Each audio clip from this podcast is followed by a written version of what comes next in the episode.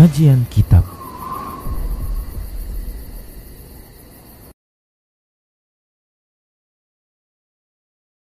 Bismillah, Assalamualaikum warahmatullahi wabarakatuh. Innalhamdalillah Nahmaduhu wa nasta'inuhu wa nastaghfiruh. Wa na'udhu billahi min syururi anfusina wa min sayyiati a'malina.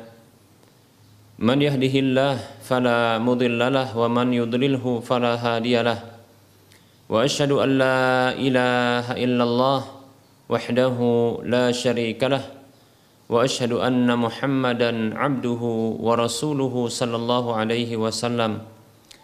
قال الله تبارك وتعالى يا أيها الذين آمنوا اتقوا الله حق تقاته ولا تموتن إلا وأنتم مسلمون.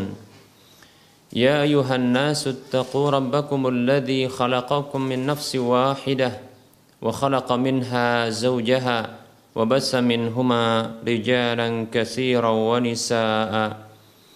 واتقوا الله الذي تساءلون به والأرحام. إن الله كان عليكم رقيبا. يا أيها الذين آمنوا اتقوا الله وقولوا قولا سديدا. يصلح لكم أعمالكم ويغفر لكم ذنوبكم. ومن يطع الله ورسوله فقد فاز. فوزا عظيما أما بعد فإن أصدق الحديث كتاب الله وخير الهدى هدى رسول الله صلى الله عليه وسلم وشر الأمور محدثاتها وكل محدثة بدعة وكل بدعة ضلالة وكل ضلالة في النار Alhamdulillah kita bersyukur kepada Allah Subhanahu wa taala yang masih terus memberikan kebaikan dan kenikmatan kepada kita.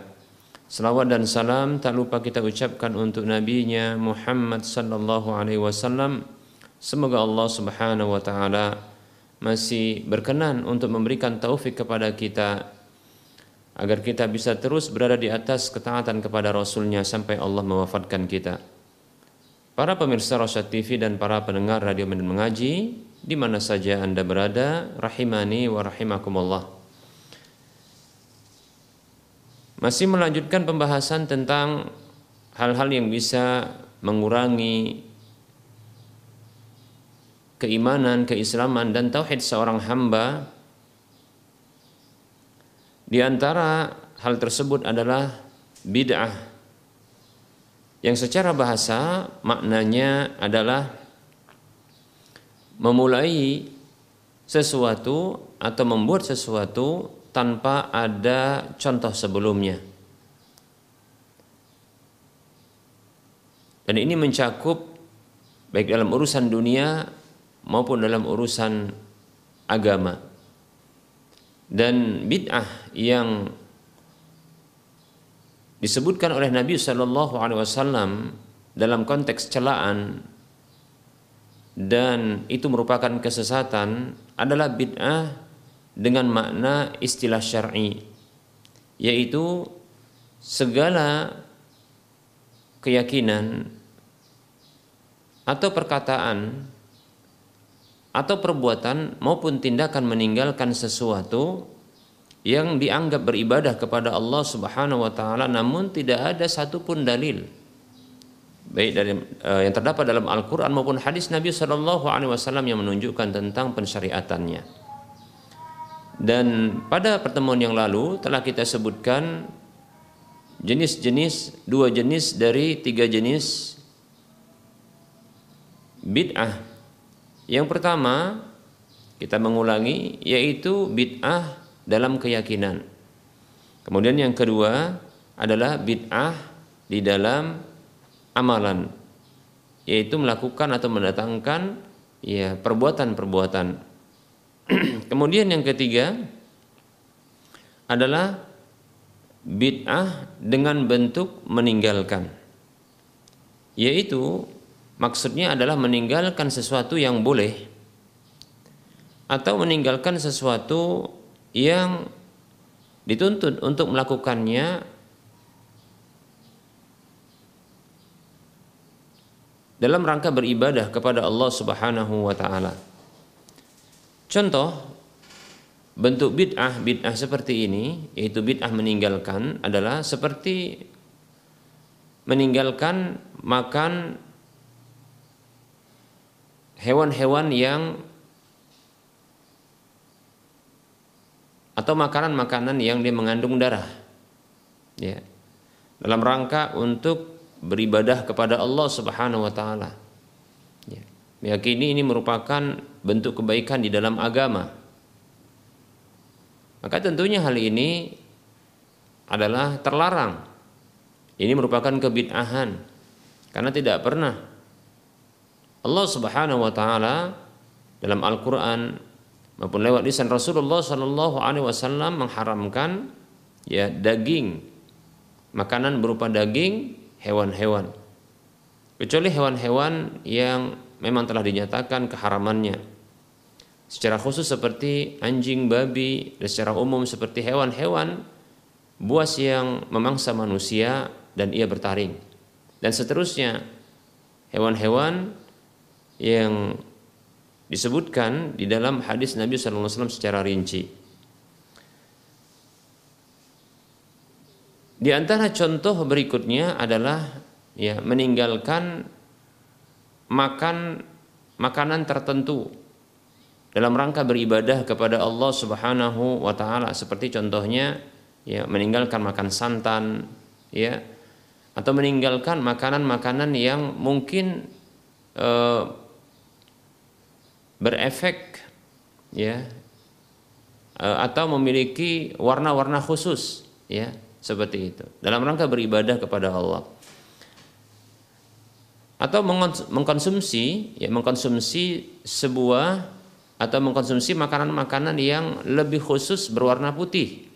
Artinya meninggalkan ya makan makanan yang berwarna e, selain putih. Demikian Nah ini tentunya merupakan ya perkara yang keliru yang kita dapatkan ada sebahagian ya kaum muslimin dengan alasan puasa mutih ya puasa mutih yaitu meninggalkan makanan-makanan yang dia selain berwarna putih demikian.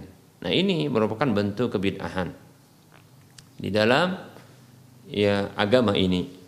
Kemudian begitu juga Contoh ya kebid'ahan yang e, merupakan contoh dari bid'ah dengan cara meninggalkan sesuatu adalah meninggalkan menikah karena alasan untuk beribadah kepada Allah Subhanahu wa taala. Maka ini juga merupakan perkara kebid'ahan ya.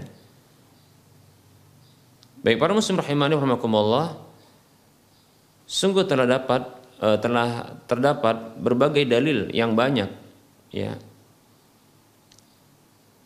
Dari Al-Quran maupun hadis Nabi Shallallahu Alaihi Wasallam yang menunjukkan pengharaman kebid'ahan dan ancaman keras bagi pelakunya.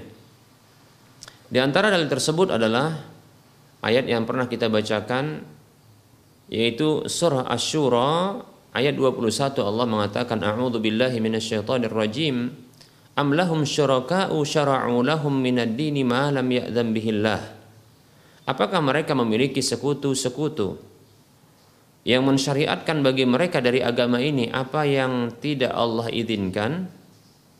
Para muslim rahimani warahmatullah dalam ayat ini Allah Subhanahu wa taala bertanya tapi bermaksud untuk mengingkari. Mengingkari apa saja yang disyariatkan dalam agama ini yang Allah Subhanahu wa taala tidak izinkan dan itu merupakan bentuk kesyirikan. Ya. Dan siapa saja yang membuat ketetapan tersebut maka itu sebagai tandingan bagi Allah Subhanahu wa taala dalam membuat syariat. Ia menjadi tandingan bagi Allah Subhanahu wa taala dalam membuat syariat. Demikian. Ya. Syariat tersebut maka jadilah syariat itu merupakan syariat tandingan itulah dia kebid'ahan ada dalil yang lain dari hadis Nabi Shallallahu Alaihi Wasallam hadis yang diriwayatkan dari Jabir bin Abdullah radhiyallahu anhu ia mengatakan Kana Nabi sallallahu alaihi wasallam yaqulu fi khutbatihi. Dahulu Nabi sallallahu alaihi wasallam pernah mengucapkan dalam khutbah beliau. Amma ba'du fa inna khairal hadisi kitabullah hadi hadi Muhammadin sallallahu alaihi wasallam wa syarral umuri muhdatsatuha wa kullu bid'atin dhalalah. Hadis riwayat Muslim. Nabi sallallahu alaihi wasallam dalam khutbah beliau mengatakan Adapun kemudian maka sesungguhnya sebaik-baik ucapan adalah kitab Allah Al-Quran dan sebaik-baik petunjuk adalah petunjuk Nabi Muhammad sallallahu alaihi wasallam dan seburuk-buruk perkara adalah perkara yang baru dalam urusan agama ini dan setiap kebid'ahan itu adalah kesesatan. Hadis riwayat Muslim. Demikian pula ada hadis yang diriwayatkan oleh atau dari sahabat Irbad bin Sariyah radhiyallahu anhu dari Nabi sallallahu alaihi wasallam bahwasanya beliau bersabda Alaikum bisunnati wa sunnatil khulafa'ir rasyidin al mahdiyyin addu 'alaiha bin nawajidhi wa iyyakum wa muhdatsatil umuri fa inna kulla muhdatsatin bid'atun wa kulla bid'atin dhalalatun Hadis riwayat Tirmidzi Rasulullah Shallallahu Alaihi Wasallam bersabda, wajib bagi kalian untuk berpegang teguh dengan petunjukku dan petunjuk para khulafa ar-rasyidin, para khalifah-khalifah yang lurus dan mereka mendapatkan petunjuk. Abu Bakar, Umar, Utsman, Ali radhiyallahu anhum ajma'in. Addu 'alaiha bin nawajidhi. Berpegang teguhlah, gigitlah ya. Gigitlah ia yaitu petunjuk tersebut ya dengan gigi geraham maksudnya adalah agar tidak terlepas ya. selain berpegang maka digigit dia agar tidak terlepas seperti itu wa iyyakum muhdatsatil umur. Berhati-hati kalian terhadap perkara-perkara baru dalam urusan agama. Karena sesungguhnya setiap perkara baru dalam urusan agama adalah kebid'ahan. Dan setiap kebid'ahan itu adalah kesesatan. Demikian. Demikian pula ada hadis dari Ummul Mukminin.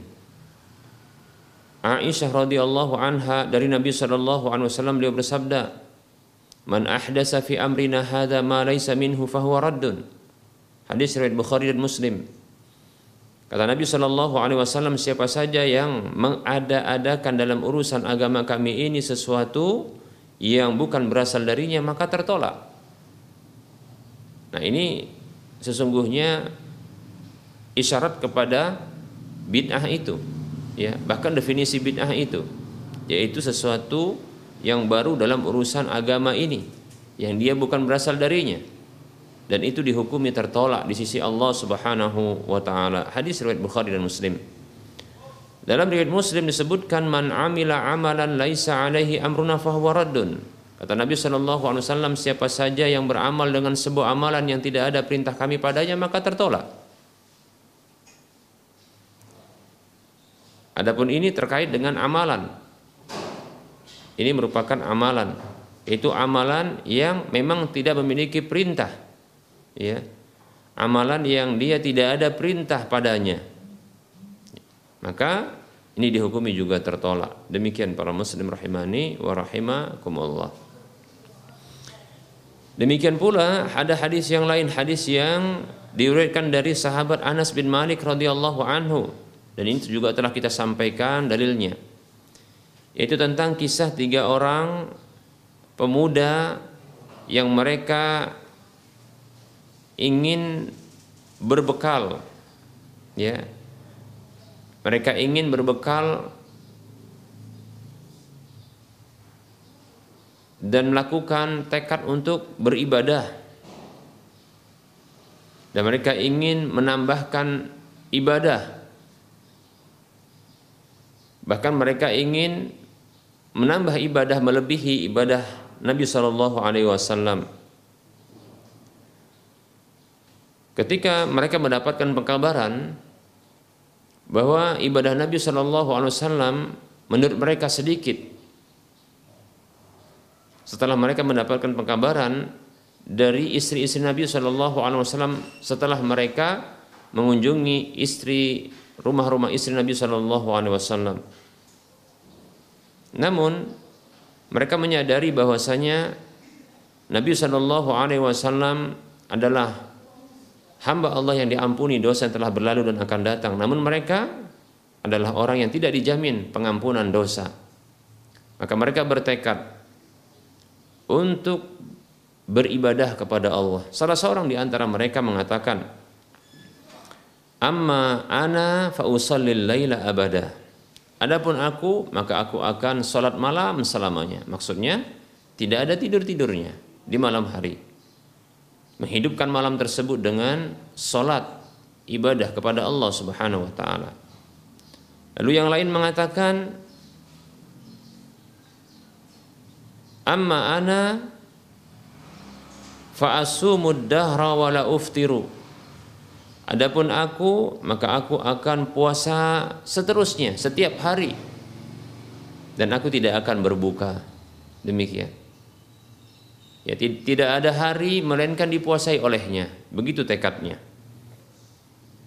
Sementara yang lain mengatakan amma ana fa'atazilun nisaa fala atazawwaju abada. Ya katakan adapun aku aku akan menjauhi para wanita. Menyingkir dari para wanita. Dan aku tidak akan menikah selamanya. Lihat dia melakukan ya bentuk ibadah dengan cara meninggalkan ya sebuah hal yang dianjurkan yaitu menikah. Maka Rasulullah Shallallahu Alaihi Wasallam bersabda, Bahkan dikabarkan dalam hadis yang lain Nabi Shallallahu Alaihi Wasallam itu sampai naik mimbar. Begitu pentingnya apa yang ingin disampaikan oleh beliau. Setelah itu beliau mengatakan, antumul ladzi naqultum kada wa kada kaliankah yang telah mengucapkan begini dan begitu? Ama wallahi innil akhsyakum lillahi wa atqakum lahu Ketahui demi Allah sesungguhnya aku adalah orang yang paling takut kepada Allah ketimbang kalian dan aku adalah orang yang paling bertakwa kepada Allah ketimbang kalian. Lakinni asumu wa uftiru akan tetapi aku berpuasa namun aku juga ada yang tidak berpuasa. Wa usalli wa arqudu aku juga salat malam namun aku juga ada tidurnya. Ya. Wa tazawwajun nisa dan aku menikahi beberapa wanita. Bukan hanya satu, bahkan beberapa wanita. Faman raghiba an sunnati falaysa minni. Maka siapa saja yang membenci, tidak suka dengan petunjukku, maka dia bukan dari golonganku. Hadis riwayat Bukhari dan Muslim. Baik para muslim rahimani wa rahimakumullah. Ya. Bentuk-bentuk keumuman yang datang di dalam dalil-dalil baik itu dalam Al-Quran maupun hadis Nabi Shallallahu Alaihi Wasallam tentang pengharaman bid'ah ini menunjukkan ya diharamkannya seluruh bentuk bid'ah yang dibuat-buat dan diadakan, direkayasa, diinovasikan oleh manusia. Yang dengan cara seperti itu dia menganggap beribadah kepada Allah sedang mendekatkan dirinya kepada Allah Subhanahu wa taala. Padahal ya tidak ada asalnya di dalam syariat ini. Padahal tidak ada asalnya di dalam syariat ini. Demikian. Dan bukanlah sesuatu yang dinyatakan baik tentunya. Karena perkiraan atau pernyataan baik itu hanya dari sisi manusia. Para muslim rahimani wa. Sungguh kita katakan ya belum tentu sesuatu yang baik itu itu baik bagi Allah Subhanahu wa taala. Sesuatu yang baik belum tentu ya baik bagi Allah Subhanahu wa taala. Baik menurut manusia belum tentu baik bagi Allah Subhanahu wa taala. Ya. Kata Allah Subhanahu wa taala, "Asa an tuhibbu syai'an wa huwa syarrul lakum." Barangkali kalian mencintai atau menyukai sesuatu padahal itu buruk bagi kalian. Lihat, sesuatu yang barangkali ya dicintai dan disukai oleh manusia. Ya. Disenangi oleh manusia. Dan tentunya sesuatu tersebut adalah baik menurutnya, tapi bisa jadi itu buruk. Ya. Bisa jadi buruk baginya. Demikian. Tentunya Allah Subhanahu wa taala Maha tahu kita tidak tahu. Lebih-lebih ini terkait dengan mengibadahi Allah Subhanahu wa taala. Allah Subhanahu wa taala tidak ridho dirinya diibadahi dengan cara manusia. Allah Subhanahu wa taala tidak ridho dirinya diibadahi dengan karangan, dengan rekayasa, ya, dengan buatan ya ibadah buatan manusia. Demikian para muslim rahimani wa. Kata Allah am lahum syuraka'u syara'u lahum minad dini ma lam ya'dam bihillah Apakah mereka memiliki sekutu-sekutu? Am lahum syuraka? Ataukah mereka itu memiliki sekutu-sekutu? Syara'u lahum yang telah mensyariatkan untuk mereka. Minad dini dari agama ini malam ya'dan bihillah apa saja yang tidak Allah izinkan demikian. Jadi untuk beribadah kepada Allah Subhanahu wa taala ya itu harus ada izinnya dari Allah Subhanahu wa taala. Harus ada perintahnya dari Rasulullah sallallahu alaihi wasallam. Tidak boleh kita mengarang-arangnya, tidak boleh kita ya menginovasikannya, tidak boleh kita mengkreasikannya. Demikian. Para muslim rahimani wa rahimakumullah. Nah, sebenarnya ini menunjukkan kemudahan agama kita ya. Ini menunjukkan kemudahan agama kita. Di mana? Dalam urusan ibadah ya. Kita ini menunggu perintah ya.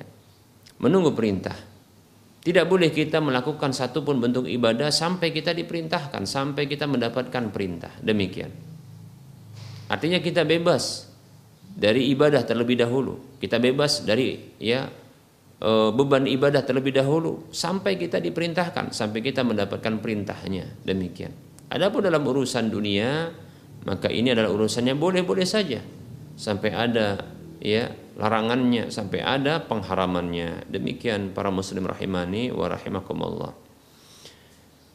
Bentuk-bentuk keumuman dari dalil yang telah kita sebutkan ya Contohnya adalah seperti yang kita sebutkan dalam hadis Nabi Wasallam, "Man ahdasa fi amrina hada ma laisa minhu."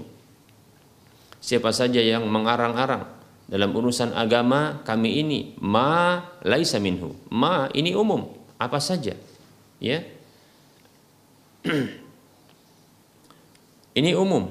Ya, kita tahu bahwasanya ya bagi yang pernah mungkin belajar usul fikih ya kita tahu bahwasanya di antara bentuk keumuman min siyaghil umumi di antara bentuk keumuman ya adalah al ismul mausul ya yaitu isi mausul ma ini termasuk isi mausul ya.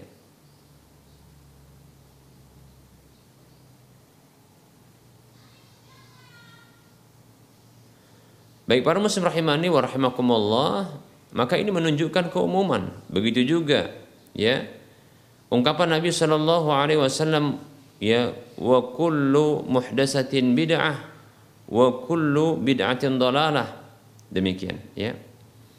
Setiap perkara baru adalah kebid'ahan dan setiap kebid'ahan adalah sesat ya begitu juga eh, lafat kul ini merupakan lafat yang dia menunjukkan keumuman. Ya setiap yang maknanya setiap. Ya. Ini menunjukkan keumuman. Demikian. Ya.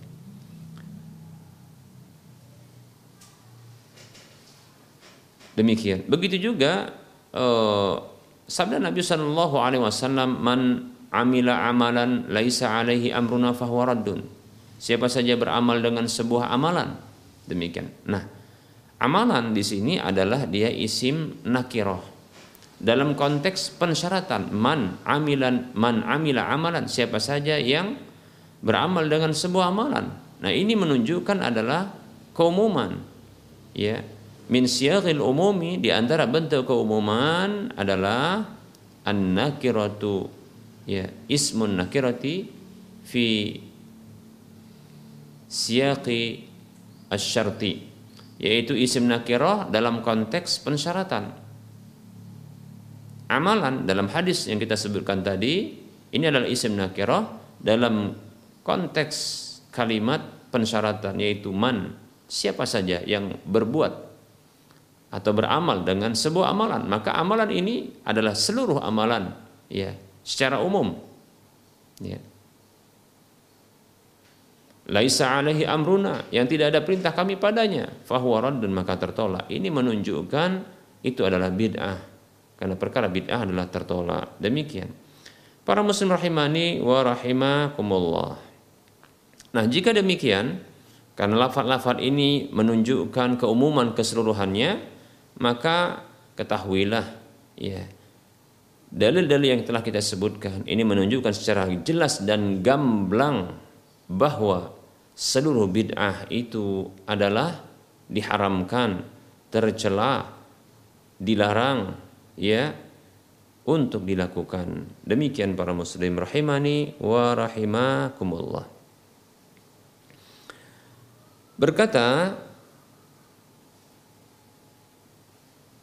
Al-Imam Abu Ishaq Ash-Shatibi yang beliau bermadhab Maliki dalam kitab Al-I'tisam di juz yang pertama di halaman ke 141 dan 143 Ja'a fil ahadisi beliau mengatakan ja'a fil ahadisil muta'addidati wal mutaqarr wal mutaqarrirati fi awqatin syatta wa bihasabil ahwalil mukhtalifati anna kulla bid'atin dalalatun wa anna kulla muhdasatin bid'atun wa ma kana nahwa dhalika min al-ibarati dallati ala anna al-bid'a madmumatun wa lam ya'ti fi ayatin wala hadisin taqidun wala takhsisun wala ma yufhamu minhu fadalla dhalika dilalatan wadihatan ala annaha ala umumiha wa itlaqiha.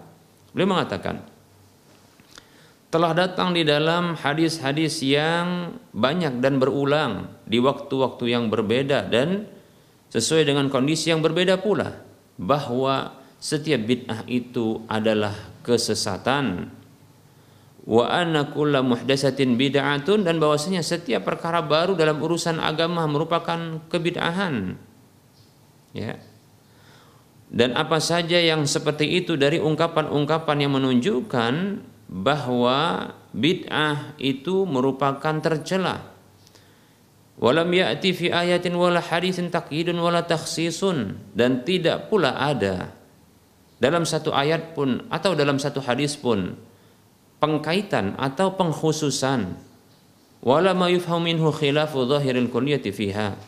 Dan tidak ada pula sesuatu yang bisa dipahami darinya berbeda dari zahir keseluruhan hal tersebut di dalamnya.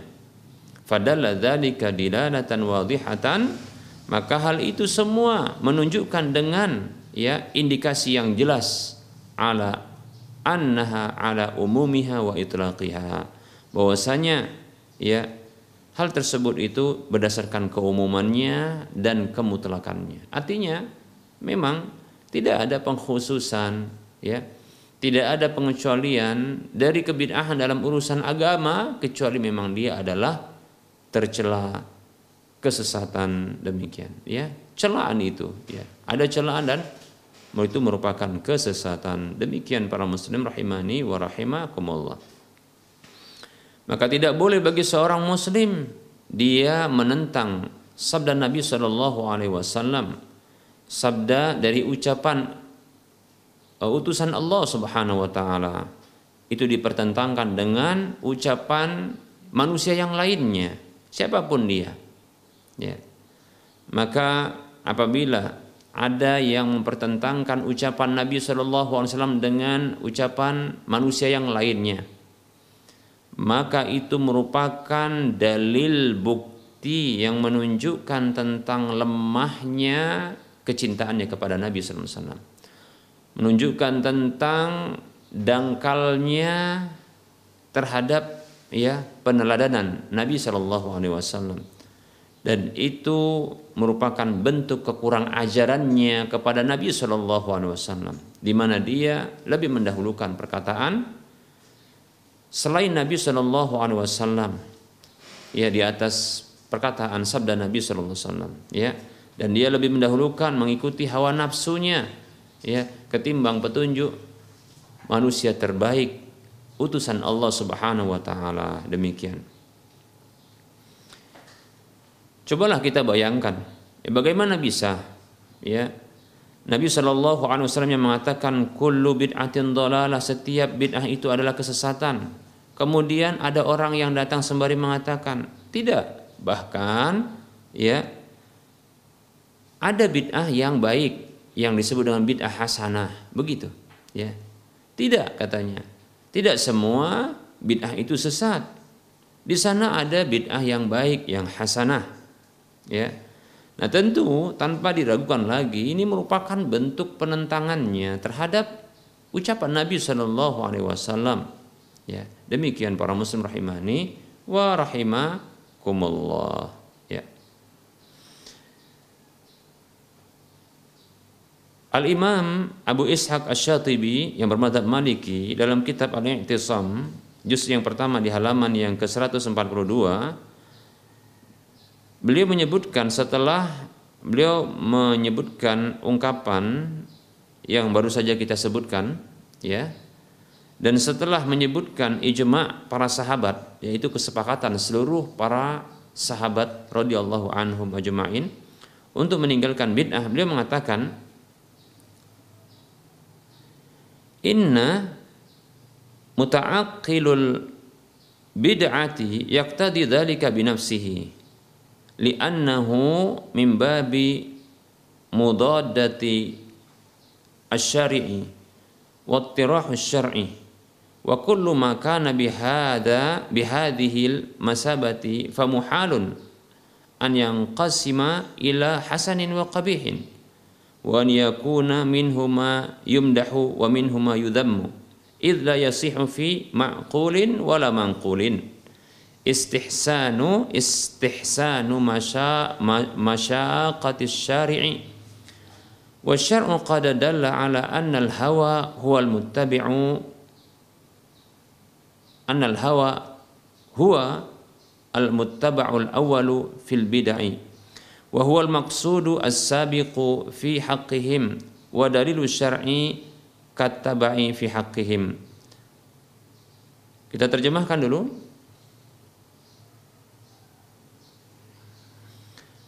Baik para muslim rahimani warahmatullah ya. Sesungguhnya sesuatu yang direka-reka oleh akal ini ya berupa kebid'ahan itu menuntut atau kita katakan kebid'ahan yang direka-reka dengan akal itu ya itu menuntut hal itu dengan berdasarkan dirinya ya dikarenakan hal itu termasuk bentuk ya penentangan terhadap syariat dan termasuk tindakan membuang atau menyingkirkan syariat tersebut. Dan setiap apa saja yang berposisi dengan hal seperti ini, maka atau segala sesuatu ya dengan hal seperti ini dalam kondisi seperti ini dengan dalil yang sudah ditetapkan ini maka mustahil untuk dibagi ya. Bid'ah itu menjadi satu yang baik dan satu yang buruk ya. Atau dibagi bahwasanya ada di antara yang terpuji dan ada yang tercela. Karena tidaklah bisa dibenarkan secara akal maupun secara dalil wahyu ya. Menganggap baiknya sesuatu yang dinyatakan buruk oleh syariat.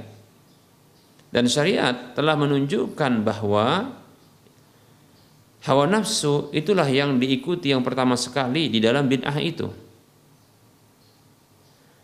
Dan dia itulah yang dituju ya sesuatu yang diinginkan ya ada pada orang-orang yang berbuat bid'ah. Sementara dalil syar'i ini sesuatu yang dianggap ya hanyalah sesuatu yang mengikuti menurut mereka.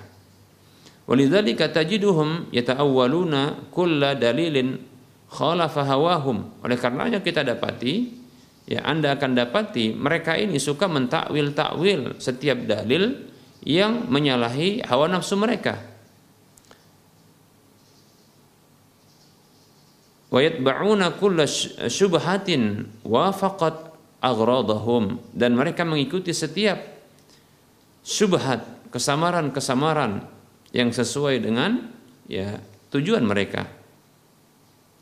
Ala tara ila qawlihi ta'ala tidakkah Anda melihat kepada firman Allah Subhanahu wa taala a'udzu billahi minasyaitonir rajim ladzina fi qulubihim zayghun fayattabi'una ma tashabaha minhu al fitnati wa ibtigha'a ta'wili maka adapun orang-orang yang ada ya kesesatan di dalam hati mereka maka mereka mengikuti apa saja yang samar-samar darinya yang subhat darinya dalam rangka untuk mencari fitnah dan mencari takwilnya. Allah Subhanahu wa taala ya menetapkan untuk mereka kesesatan pertama sekali yaitu kecondongan ya terhadap e, keburukan, penyimpangan dan jauh dari kebenaran. Kemudian mereka mengikuti perkara yang samar-samar ya yang itu tentunya berbeda dengan hal yang jelas dan gamblang secara makna. Yang dia itulah merupakan ya ummul kitab Al-Quran tersebut dan mayoritas dari Al-Quran adalah demikian yaitu dia kebenaran dan jelas. Adapun perkara yang samar-samar maka itu adalah sedikit. Namun ya fataroku ittiba'al mu'zami ila ittiba'il aqalli. Ya al mutasyabih alladhi la yu'ti mafhuman wadihan ibtigha'a ta'wilihi. Namun ternyata kita dapatkan mereka itu mengikuti kebanyakan uh, mereka meninggalkan mereka itu meninggalkan untuk mengikuti mayoritas dari Al-Qur'an tersebut. Yang pada umumnya adalah jelas dan gamblang malah mereka menuju ya untuk mengikuti yang sedikit yang mutasyabih yang samar itu ya yang dia tidak bisa memberikan pemahaman yang jelas itu disebabkan karena mereka mengikuti takwilnya. Lihat ini takwil ya, penyakit takwil ini. Baik para muslim rahimani rahimakumullah. Dengan takwil maka ini seseorang bisa ya menolak kebenaran ya, menjauhi kebenaran. Demikian para muslim rahimani wa rahimakumullah.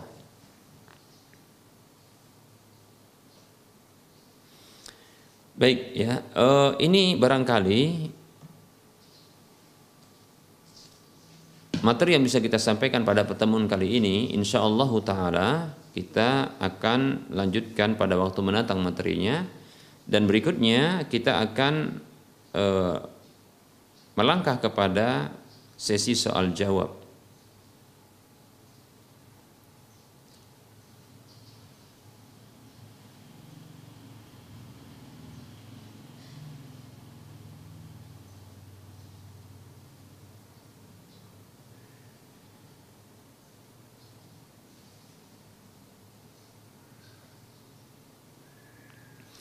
Baik, ada pertanyaan. Bismillah, Assalamualaikum. Maaf Ustaz, mau bertanya. 18 tahun yang lalu, kami akikahkan putri kami dengan satu ekor kambing. Akan tetapi, kambingnya hadiah dari Pak D-nya. Maksudnya adalah Pak D dari anak-anaknya. Ya, Bukan kami yang membelinya dengan harta kami, mengingat akikah itu setelah kami dengar adalah kewajiban orang tua dan juga waktu itu kami belum hijrah sehingga pelaksanaan akikahnya dengan amalan-amalan bid'ah yang biasanya dilakukan oleh masyarakat. Yang kami tanyakan sahkah akikah putri kami atau perlukah kami ulangi akikahnya ya dan bagaimana jika rambut waktu akikah tidak dicukur. Sekian jazakallahu khairan.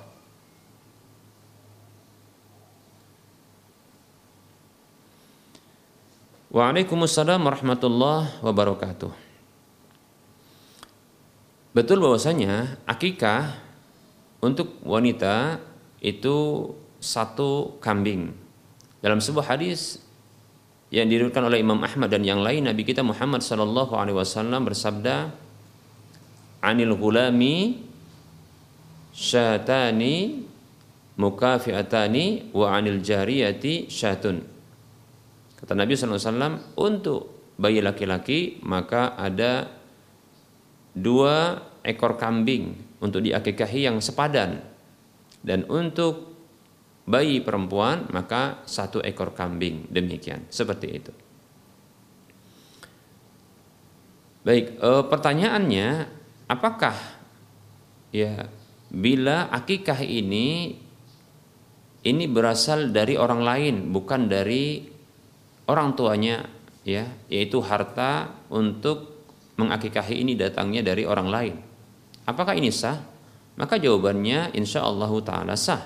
Ya. Ya sah yang seperti ini. Insya Allah taala. Mengapa demikian? Pertama alasannya karena dahulu ya Nabi Shallallahu Alaihi Wasallam yang mengakikahi Hasan dan Husain yang itu merupakan cucu dari Nabi Shallallahu Alaihi Wasallam bukan anak langsung dari Nabi Shallallahu Alaihi Wasallam. Itu adalah anak dari Ali dengan Fatimah radhiyallahu anhuma ya. Hasan dan Husain yang itu cucu Nabi Wasallam radhiyallahu anhuma itu diakikahi oleh Rasulullah Wasallam ya. Dalam sebuah hadis kalau tidak salah diriwayatkan oleh Imam Tabrani ya akan Nabi wasallam ya anil Hasani wal Husaini. Nabi wasallam mengakikahi Hasan dan Husain. Seperti itu. Wa khannatahuma ya yaum sabihi dan beliau meng, mengkhitan mereka di hari yang ketujuh. Baik ini para muslim rahimani wa rahimakumullah. Jadi sah walaupun orang lain. Alasan yang kedua tentunya eh, ketika uang atau harta tersebut ya baik itu dengan cara diberikan langsung berupa uang atau dibelikan ya hewannya berupa kambing itu lalu diserahkan kepada orang tua. Bukankah sudah berpindah kepemilikannya ya dari orang yang memberikan kepada orang yang diberikan. Dalam hal ini adalah orang tuanya. Maka tentunya ini menjadi milik orang tuanya. Kan seperti itu. Ya. Ini menjadi milik orang tuanya. Ya kemudian diakikahi dengan orang tuanya. Yang jelas ya para muslim rahimani tidak mesti ya tidak mesti akikah itu berasal dari harta orang tuanya. Bisa jadi dari harta kakeknya, ya saudara-saudara kandungnya atau barangkali ya dari paman-pamannya, bibi-bibinya atau orang lain yang sama sekali tidak ada hubungan nasab dengannya. Wallahu taala alam. Baik ya, eh, adapun acara atau perkara kemungkaran yang disisipkan ke dalam akikah ini yang akikah ini sesungguhnya tidak ada e, bukanlah sebuah yang menyimpang dan keliru ya. Maka tentunya yang seperti ini e, tidaklah mencederai. Walaupun kita katakan ya e, tentunya ada perkara yang menyimpang atau yang keliru bila disisipkan perkara yang menyimpang dan keliru tersebut. Hanya saja mengurangi kualitasnya, namun tidaklah menciderai keabsahan keabsahannya kecuali ketika menyembelih hewan tersebut disebutkan nama selain Allah Subhanahu wa taala ya atau ditujukan untuk ya e, berhala tertentu ya demikian. Maka yang seperti ini tentunya sesudah itu menjadi bangkai. Demikian ya. Namun apabila kemungkaran, kemaksiatan, penyimpangan, kebid'ahan itu disisipkan ya setelah acara tersebut atau e, dalam acara tersebut namun dalam penyembelihannya ini memang ikhlas untuk Allah dan caranya tepat ya maka insya Allah taala sah walaupun itu mengurangi kualitas dari ibadah akikah ini. Wallahu taala alam.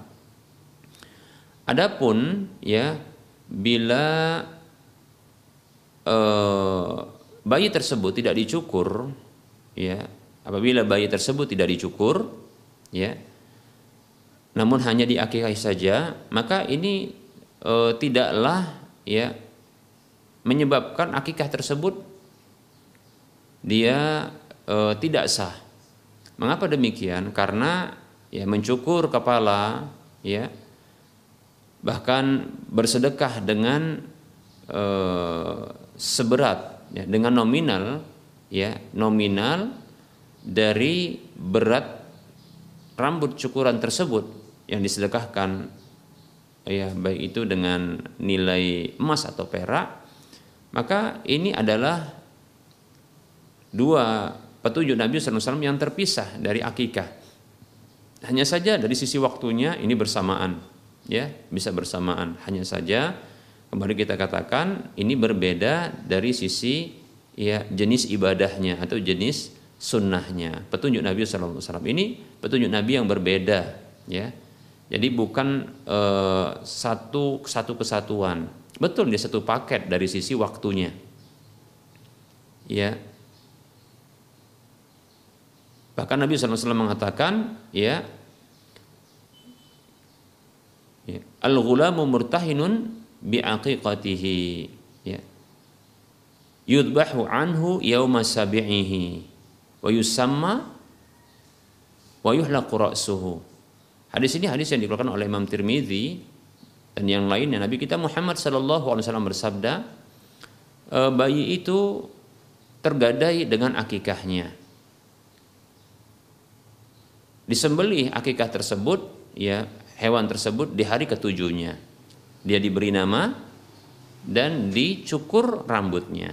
Demikian, ya. Nah, ini adalah sesuatu yang berbeda.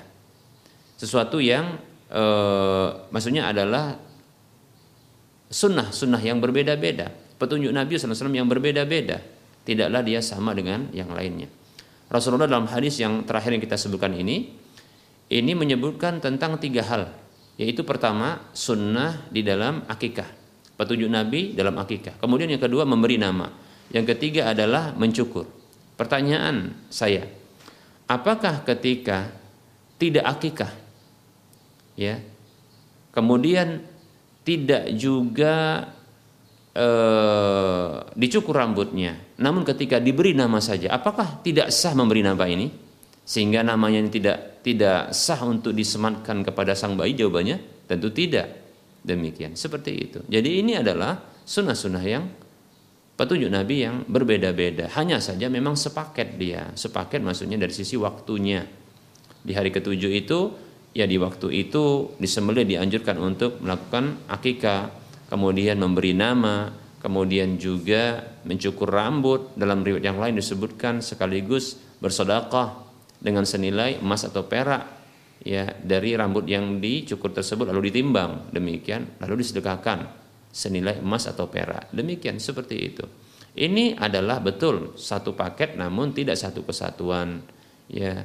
Bukan bila satu tidak dikerjakan maka yang lainnya tidak sah. Bukan demikian ya. Ini adalah ibadah yang terpisah hanya saja satu paket dari sisi waktunya namun bukan merupakan satu kesatuan semoga bermanfaat. Wallahu taala a'lam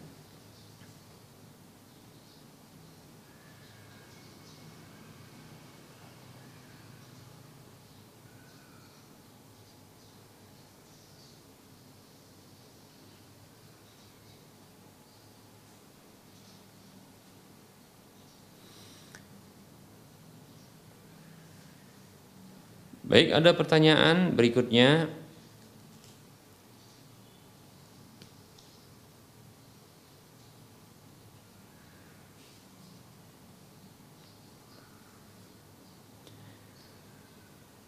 Bismillah, Assalamualaikum warahmatullahi wabarakatuh. Ustadz ingin bertanya, apakah hukum menghubungkan doa dengan sholat lima waktu? Maksudnya adalah Misalnya ketika kita selesai sholat wajib, ya lebih baik berzikir atau berdoa. Ya, berzikir ataukah berdoa. Waalaikumsalam warahmatullahi wabarakatuh. Ya. Uh, sesungguhnya berzikir dan berdoa setelah sholat fardu ini merupakan anjuran, bukan sebuah kewajiban ya. Anjuran perkara yang disunnahkan ya namun bukanlah merupakan kewajiban. Demikian. Ya. E, apakah harus berzikir ataukah berdoa? Maka sesungguhnya bila kita melihat beberapa dalil di mana ya Nabi Shallallahu Alaihi Wasallam habis atau setelah sholat fardu ya beliau itu melakukan istighfar tiga kali maka itu adalah doa. Ya astaghfirullah astaghfirullah astaghfirullah. Lalu beliau mengatakan Allahumma antas salam wa minkas salam tabarak ya dan jalali wal ikram. Ya. Istighfar itu doa. Ya. Kemudian Allahumma antas salam wa minkas salam tabarak ya dan jalali wal ikram. Ini juga bisa disebut dengan zikir maupun doa. Bahkan doa itu merupakan zikir kepada Allah mengingat Allah. Karena seseorang ketika dia berdoa dia sedang ingat Allah tentunya demikian. Kalau dia berdoanya kepada Allah ya. Baru setelah itu ada zikir ya zikir yang lain seperti la ilaha illallah wahdahu la syarikalah lahul mulku wa lahul hamdu wa huwa ala kulli syai'in qadir. Allahumma la mani'a lima a'taita wa la mu'tiya lima mana'ta wa la yanfa'u dzal jaddi minkal jadd. Ini zikir. Kemudian la ilaha illallah wahdahu la syarikalah lahul mulku wa lahul hamdu wa huwa ala kulli syai'in qadir La haula wa la quwata illa billah La ilaha illallah wa la na'budu illa iyah Lahu ni'ma wa lahul fadlu wa lahu sana'ul hasan La ilaha illallah mukhlisina lahud din Walau karihal kafirun. Ini adalah zikir. Demikian. Baru menyebutkan subhanallah 33 kali Alhamdulillah 33 kali Allahu Akbar 33 kali. Ini zikir. Ditutup juga dengan zikir. La ilaha illallah wahdahu la syarika la lahul mulku wa lahul hamdu wa ala kulli syai'in qadir. Nah jadi kita ikuti saja ya tata cara ya zikir dan doa yang diajarkan Nabi Sallallahu Alaihi Wasallam demikian. Tapi apakah salah dan keliru? Contohnya apabila seseorang dia ingin mendahulukan doa, mungkin dia punya kegiatan setelah sholat. Dia ingin setelah dia apa namanya setelah dia e, sholat salam ya dia ingin berdoa nanti zikirnya di dalam atau di atas kendaraannya Apakah dibolehkan? Jawabannya boleh insya Allah taala boleh, tidak masalah. Ya, tidak masalah. Dia doa dengan angkat tangan, ya, karena itu mungkin dia butuh untuk berdoa kepada Allah Subhanahu Wa Taala. Kita pernah sampaikan satu hadis Nabi Shallallahu Alaihi Wasallam hadis yang dikeluarkan oleh Imam Tirmidzi dan dihasankan oleh Imam Tirmidzi. Ya Rasulullah Wasallam pernah ditanya, ayat doa asma, doa manakah yang paling didengar oleh Allah? Maka Rasul mengatakan, duburo as-salawatil maktubat. E, pertama sekali adalah jaufal lailil akhir yaitu doa yang dilantunkan di jauf yaitu di jauf ini artinya dalam ya rongga. Masuk kita katakan di malam yang larut yang terakhir itu. Kemudian waduburo as-salawatil maktubat dan dubur yaitu penghujung atau setelah dari salat-salat fardu. Demikian. Silakan. Ya boleh. Tapi sebaiknya jangan ditinggalkan zikirnya ya. Zikir tadi seperti istighfar tiga kali ya. Maka saya sarankan kalau seandainya ingin berdoa langsung maka istighfar terlebih dahulu. Astagfirullah tiga kali. Kemudian Allahumma antas salam wa minkas salam tabarak dan jalali wal ikram. Maka silakan setelah itu ya berdoa kemudian lanjutkan di atas kendaraannya untuk berzikir sisanya. Wallahu taala alam.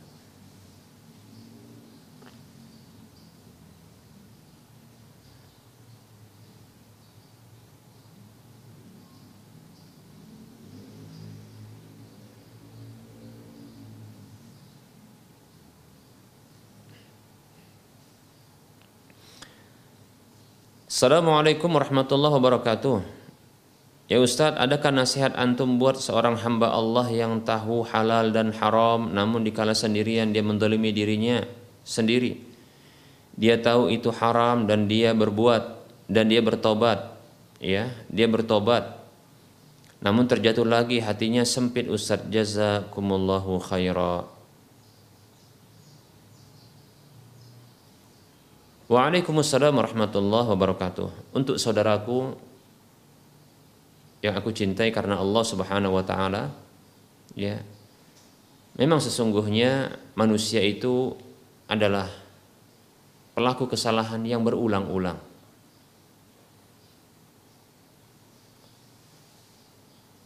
namun bila kita telah jatuh ke dalam sebuah pelanggaran yang berulang maka janganlah sampai setan ini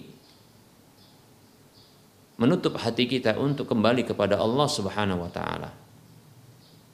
Ketahuilah Allah Subhanahu wa taala tidak menjadikan kesalahan yang berulang itu sebagai penutup pintu taubatnya, tidak. Namun Allah Subhanahu wa taala akan terus membuka pintu taubatnya kepada hamba-hambanya yang melakukan kesalahan-kesalahan, bahkan kesalahan yang berulang. Dan itu batasannya bagi individunya, per individu manusia adalah sampai nyawa itu masih dalam kerongkongannya. Sampai nyawa itu masih dalam kerongkongannya. Bagi manusia secara umum sampai matahari itu belum terbit dari barat. Ketika itu masih dibuka pintu taubat, maka bertobatlah Kata Nabi Shallallahu Alaihi Wasallam, "Kullu bani Adam khata wa khairu khata'in tawwabun." Setiap anak Adam itu adalah khata. Khata ya adalah isim fa'il namun dia atau kita katakan sifat musyabbahah ya bi ismi fa'il dengan wazan mubalaghah yaitu khotok itu wazannya fa'al yaitu tindakan atau melakukan sesuatu dengan secara berlebihan. Jadi khotok adalah pelaku kesalahan secara berlebihan. Di antara di antara bentuk kelebihannya atau berlebihannya adalah di antara bentuk berlebihannya adalah melakukan kesalahan yang pernah ditobati, melakukan kembali, mengulang kembali, bahkan hanya bukan sekali, bahkan berkali-kali. Ya, namun Rasul mengatakan sallallahu alaihi wasallam wa khairu khatta'in tawwabun. Namun sebaik-baik ya orang yang melakukan kesalahan secara berulang ini atau yang berlebihan ini dia bertaubat, terus bertaubat. Diiringi dengan tobat, tobat demikian, seperti itu. Ya. Dan ketahuilah bahwasanya ya jangan sampai kesalahan yang berulang ini ini membuat syaitan ini menutup hati kita untuk bertobat kepada Allah. Jangan. Karena sesungguhnya pintu taubat belum tertutup. Jangan sampai menyangka kita bahwasanya ya pintu taubat Allah itu ya pintu taubat telah Allah tutup karena kita melakukan kesalahan yang berulang. Tidak. Ya, demikian. Seperti itu. Ketahui bahwasanya ciri orang yang bertakwa di antaranya adalah orang yang dia segera ingat Allah memohon ampun atas dosanya tatkala dia itu berbuat dosa. Ya, jatuh ke dalam dosa. Dan dia tidak akan mengulangi dosa tersebut selagi dia ingat. Namun tatkala dia mungkin ya lupa atau lalai terjerumus kembali ke dalam dosa tersebut maka dia kembali ingat Allah Subhanahu wa taala. Kata Allah Subhanahu wa taala dalam surah Ali Imran 133 sampai 135 Allah mengatakan a'udzu billahi minasyaitonir rajim wasari'u ila maghfiratin min rabbikum wa jannatin arduha as-samawati wal ardu uiddat lil muttaqin. Bersegeralah menuju ampunan dari Rabb kalian dan surga yang seluas langit dan bumi itu dipersiapkan bagi orang-orang yang bertakwa. Alladzina yunfiquna fis sarra'i wad dharra'i wal kadhibina al ghaidha wal 'afina 'anil nas wallahu yuhibbul muhsinin yaitu orang-orang yang berinfak di kala susah dan senang. Dalam senang dan susah dia berinfak, menahan amarah dan memaafkan manusia dan Allah mencintai orang-orang yang berbuat baik. Walladzina fa'alu idza walladzina idza fa'alu fahishatan aw dhalamu anfusahum dzakarullaha fastaghfaru lidzunubihim wa ma yaghfiru dzunuba illa Allah wa lam yusirru ala ma fa'alu wa hum ya'lamun. Dan orang-orang yang bertakwa itu yang dijanjikan ampunan dan surga adalah orang-orang yang apabila mereka mendolimi diri mereka sendiri, melakukan kefahisan dan mendolimi diri sendiri dengan dosa-dosa. Mereka ingat Allah, lalu mereka mohon ampun kepada Allah dan mereka meyakini tidak ada yang mengampuni dosa kecuali Allah Subhanahu wa taala. Serta mereka tidak melanjutkan berbuat dosa tersebut dalam kondisi mereka mengetahuinya. Namun dalam kondisi mereka tidak tahu, lalai, lupa, maka tatkala mereka terjatuh kembali, maka mereka kembali ingat Allah dan mohon ampun atas dosa-dosa. Seperti itu. Demikian, ya.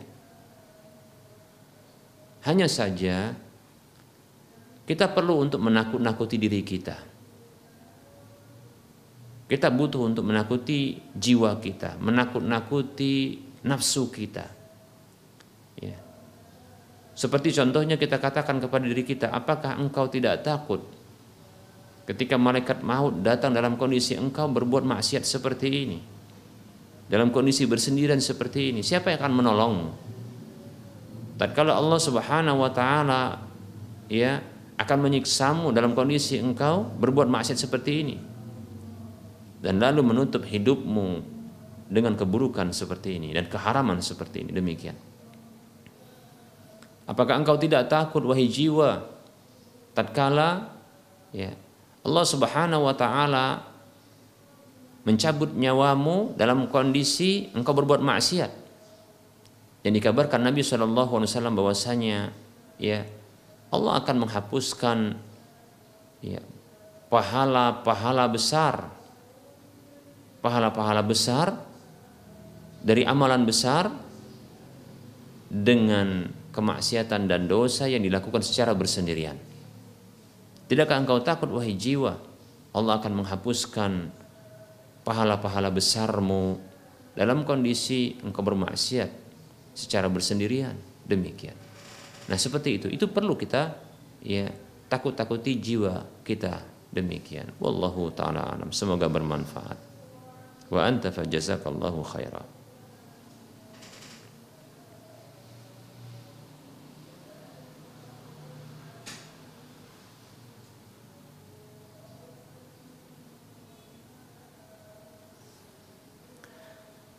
Bismillahirrahmanirrahim. Izin bertanya Ustadz, di komplek perumahan kami ada uang paguyuban kematian, tapi sifatnya tidak wajib. Kita mau ikut ragu-ragu. Per jiwa adalah 200 eh, 2500 per bulan. 2500 rupiah per bulan. Ketika peserta meninggal, nanti dikasih uang untuk saat ini 2 juta Uang itu dari uang paguyuban yang terkumpul. Apakah itu termasuk asuransi? Ada juga dan muslim yang ikutan paguyuban ini. Apakah boleh Ustaz? Secara itu orang bukan Islam. Secara akidah itu orang bukan Islam. Orang itu bukan Islam, tidak seakidah, tidak seagama. Khawatirnya itu sama dengan meng, me, e, menyetujui acara kematian mereka. Baik, Bismillahirrahmanirrahim.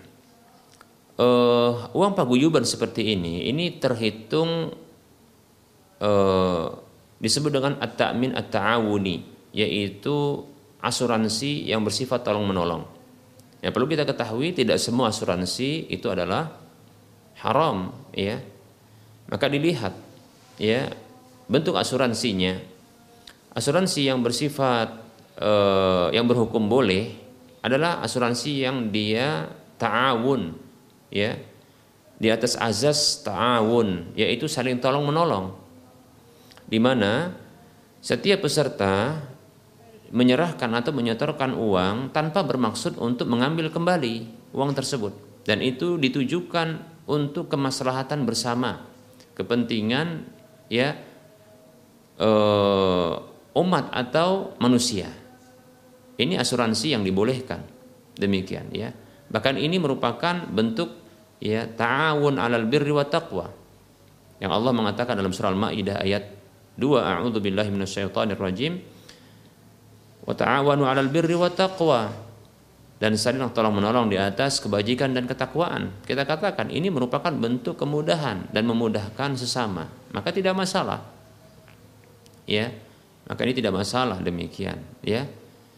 Nah tentunya dalam biaya kematian ini ini banyak e, biaya yang dikeluarkan. Seperti contohnya ya pengkafanan ya. Begitu juga tentunya membeli kain kafan. Begitu juga peralatan pemandian ya. Begitu juga e, barangkali butuh untuk penyewaan apa namanya eh, alat-alat peralatan seperti mungkin tenda ya untuk orang-orang yang e, bertakziah Begitu juga barangkali e, butuhnya biaya ya e, jasa untuk me, memandikan ya dan seterusnya kalau memang ada biaya di sana. Begitu juga jasa untuk ya menggali kuburan dan ini biasanya memang ada biayanya. Dan mungkin juga barangkali di sebahagian tempat ya ini ada juga e, mengeluarkan biaya e, yang ditujukan untuk kuburannya ya seperti itu. Dan ini betul biaya besar tentunya. Maka wallahu taala alam ini tidak masalah yang seperti ini ya, tidak masalah ya. Ingat dengan syarat adalah uang yang disetorkan tersebut, uang yang disetorkan tersebut ini sifatnya adalah hibah, pemberian ya itu hibah murni dia tidak ingin kembali demikian ya adapun nanti dirinya itu mendapatkan eh, dana untuk pelayanan pelayanan ya eh, dari sesuatu yang telah disepakati maka ini bukanlah bentuk eh, satu yang menyalahi syar'i ya. Yang jelas bila memang ditujukan dari setoran uang yang diberikan tersebut adalah hibah dan bukan berharap untuk dikembalikan ya bahkan ini cuma-cuma seperti itu. Inilah dia disebut dengan at-ta'min at-ta'awuni asuransi yang bersifat ta'awun. Demikian. Berbeda dengan ya e, takmin e, ar-ribawi yaitu asuransi yang bersifat ribawi yang pada umumnya adalah at-tijari komersil ya. Di mana orang yang menyetorkan uang itu memang dijanjikan untuk dikembalikan ya bahkan juga akan disertakan dalam pengembalian tersebut nantinya baik itu sebelum ataupun setelah atau bersama dengan itu nanti berbagai hal fasilitas. Bahkan ada uang juga begitu juga barangkali pelayanan-pelayanan yang lainnya. Maka ini merupakan bentuk riba. Bahkan ada ghor bahkan judi di sana demikian. Adapun takmin at-ta'awuni yang dalam bahasa eh, sehari-hari kita di masyarakat kita ini serikat tolong menolong yang seperti tidak masalah. Baik itu diwajibkan ataupun tidak diwajibkan. Lebih-lebih tidak diwajibkan. Ini lebih baik. Ya, ini cenderung seperti infak yaitu sedekah demikian. Ya, wallahu taala a'lam. Adapun ya terkait dengan orang kafir yang ikut serta, maka tidak masalah, tidaklah menciderai akad ini demikian. Ya, hanya saja apakah nantinya e, ini merupakan bentuk ya dukungan terhadap acara kematian mereka? Tentu tidak. Yang kita tanyakan dulu, apakah e, contoh seperti ya pelaksanaan tata cara e, kematian mereka itu apakah pada umumnya adalah e, menyimpang? Kita katakan, iya, acara-acara ritualnya adalah menyimpang. Tapi seperti contohnya ya penggalian kuburan. Nah, ini tentunya apa? Ini satu yang juga butuh biaya. Di mereka mungkin juga ada biaya itu. Ya. Seperti barangkali juga e, persiapan untuk peti mati. Apakah peti mati ini keliru? Kita katakan peti mati bagi mereka itu kebiasaan mereka. Ya, ada pun acara-acara yang lainnya, bahkan kita katakan ya Fatimah radhiyallahu anha itu pernah dimasukkan ke dalam peti mati. Mengapa? Dikarenakan ya eh, beliau ini tidak ingin dilihat fisiknya ketika wafat demikian karena beliau malu demikian. Ya Allah taala alam. E, mungkin e, andaikan kalau seandainya orang kafir pun ini tidak diberi atau tidak diikut sertakan ini maka lebih bagus. Karena barangkali bisa jadi uang-uang tersebut di apa namanya diarahkan untuk hal-hal yang menyimpang juga. Tapi bisa juga tidak ya. Atau bisa dengan cara contohnya fasilitas yang diberikan ini berbeda. Kalau seandainya mungkin seorang kafir ini ya dia ini e, menyetorkan yang biasanya mungkin e, untuk orang Islamnya 2.500 per bulan, maka dia bisa jadi 2.000 saja. Nanti uang yang diberikan ya itu mungkin barangkali bisa e, satu juta demikian seperti itu ya. Wallahu taala a'lam. Ya, ini solusi saja. Tapi hukum asalnya tak minta ta'awuni yaitu asuransi yang bersifat ta'awun asasnya ya itu ta'awun itu maksudnya adalah saling tolong menolong yaitu memberi namun tidak ingin kembali maka ini dibolehkan. Wallahu taala alam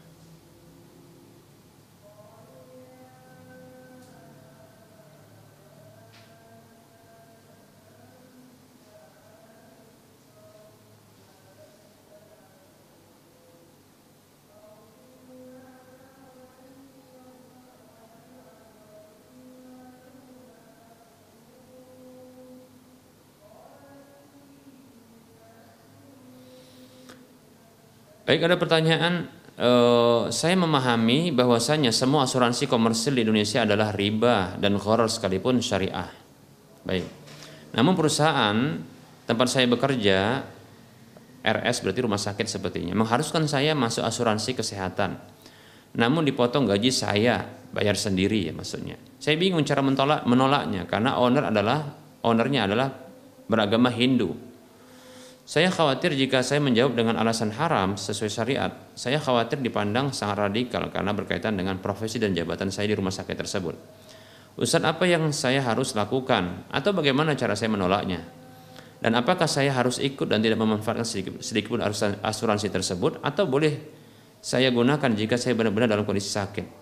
Afwan, barakallahu fiq, jazakumullahu khairan.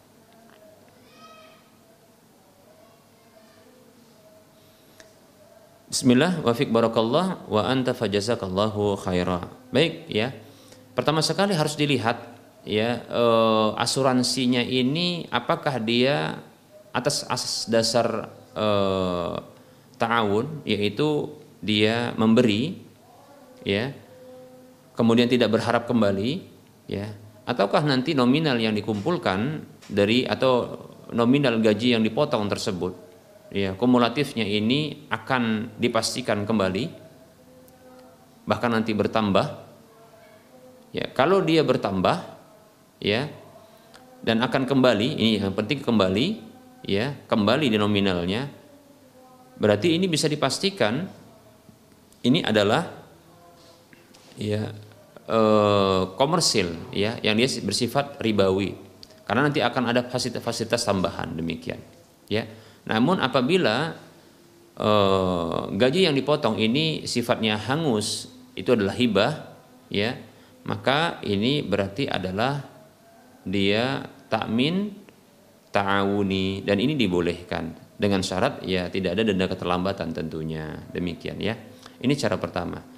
Apabila ternyata ya ini semuanya adalah uh, komersil ya caranya komersil. Baik kita katakan permasalahannya lah ya apakah uh, menjadi keanggotaan ya terlibat menjadi ke, keanggotaan ini ini merupakan atas dasar pilihan pribadi ataukah dia sifatnya ya dipaksa? Seperti contohnya didaftar didaftarkan secara uh, tanpa ada pilihan ya. Kalau didaftarkan secara tanpa ada pilihan maka seperti ini tidak ada dosa karena kita didaftarkan. Bahkan kedoliman dengan memotong gaji kita seperti itu ya namun kalau atas dasar pilihan pribadi maka ini bisa kita tolak nah, itu dia kalau seandainya didaftarkan apa namanya e, caranya adalah dengan mendaftar ya maka kita bisa menolak. Kita tidak usah mendaftar, begitu maksudnya ya. Namun bila didaftarkan secara otomatis ini masuk ya dengan potong gaji, maka tidak ada paksaan dan tidak ada dosa bagi orang yang dipaksa dan ya itu merupakan bentuk kedoliman seperti itu ya demikian nah caranya nanti di akhir adalah ya eh, ketika dipaksa berarti ini adalah kita di, termasuk anggota dalam kondisi itu bukan kewenangan kita, bukan atas dasar pilihan kita, maka tidak ada dosa. Namun akan menjadi dosa kalau seandainya kita mengambil fasilitasnya, mempergunakan fasilitasnya, demikian. Maka jangan gunakan fasilitasnya. Nanti ketika di akhir kerja, ketika kita mendapatkan uh, uang tunjangan dari asuransi ini, maka dihitung. Mulai dari awal kerja pemotongan gaji sampai terakhir kita bekerja nominal gaji yang dipotong diakumulasikan kemudian senilai itu maka diambil. Sisanya maka e, diserahkan kepada pihak lain yang membutuhkan. Seperti itu. Semoga bermanfaat. Wallahu a'lam baik barangkali ini saja materi yang bisa kita sampaikan dan eh, jawaban-jawaban yang bisa saya jawab dari pertanyaan ini. Sebenarnya masih banyak ya lagi pertanyaan yang sudah masuk namun belum bisa dijawab. Ya mohon maaf ya mungkin keterbatasan waktu. Mudah-mudahan insya Allah taala kita bisa bertemu lagi di waktu mendatang. Tentunya setiap penyampaian itu ada kekurangan dan kesalahan kebenaran itu datang dari Allah Subhanahu wa taala kebenaran itu datang dari Allah Subhanahu wa taala kekeliruan itu datang dari saya pribadi dan bisikan syaitan, ya. Kepada Allah saya mohon ampun, kepada para hadirin sekalian saya mohon maaf. Wassalamualaikum ala Muhammad wa ala alihi wa ashabihi ajma'in. Subhanakallahumma wa bihamdika asyhadu an la ilaha. Assalamualaikum warahmatullahi wabarakatuh.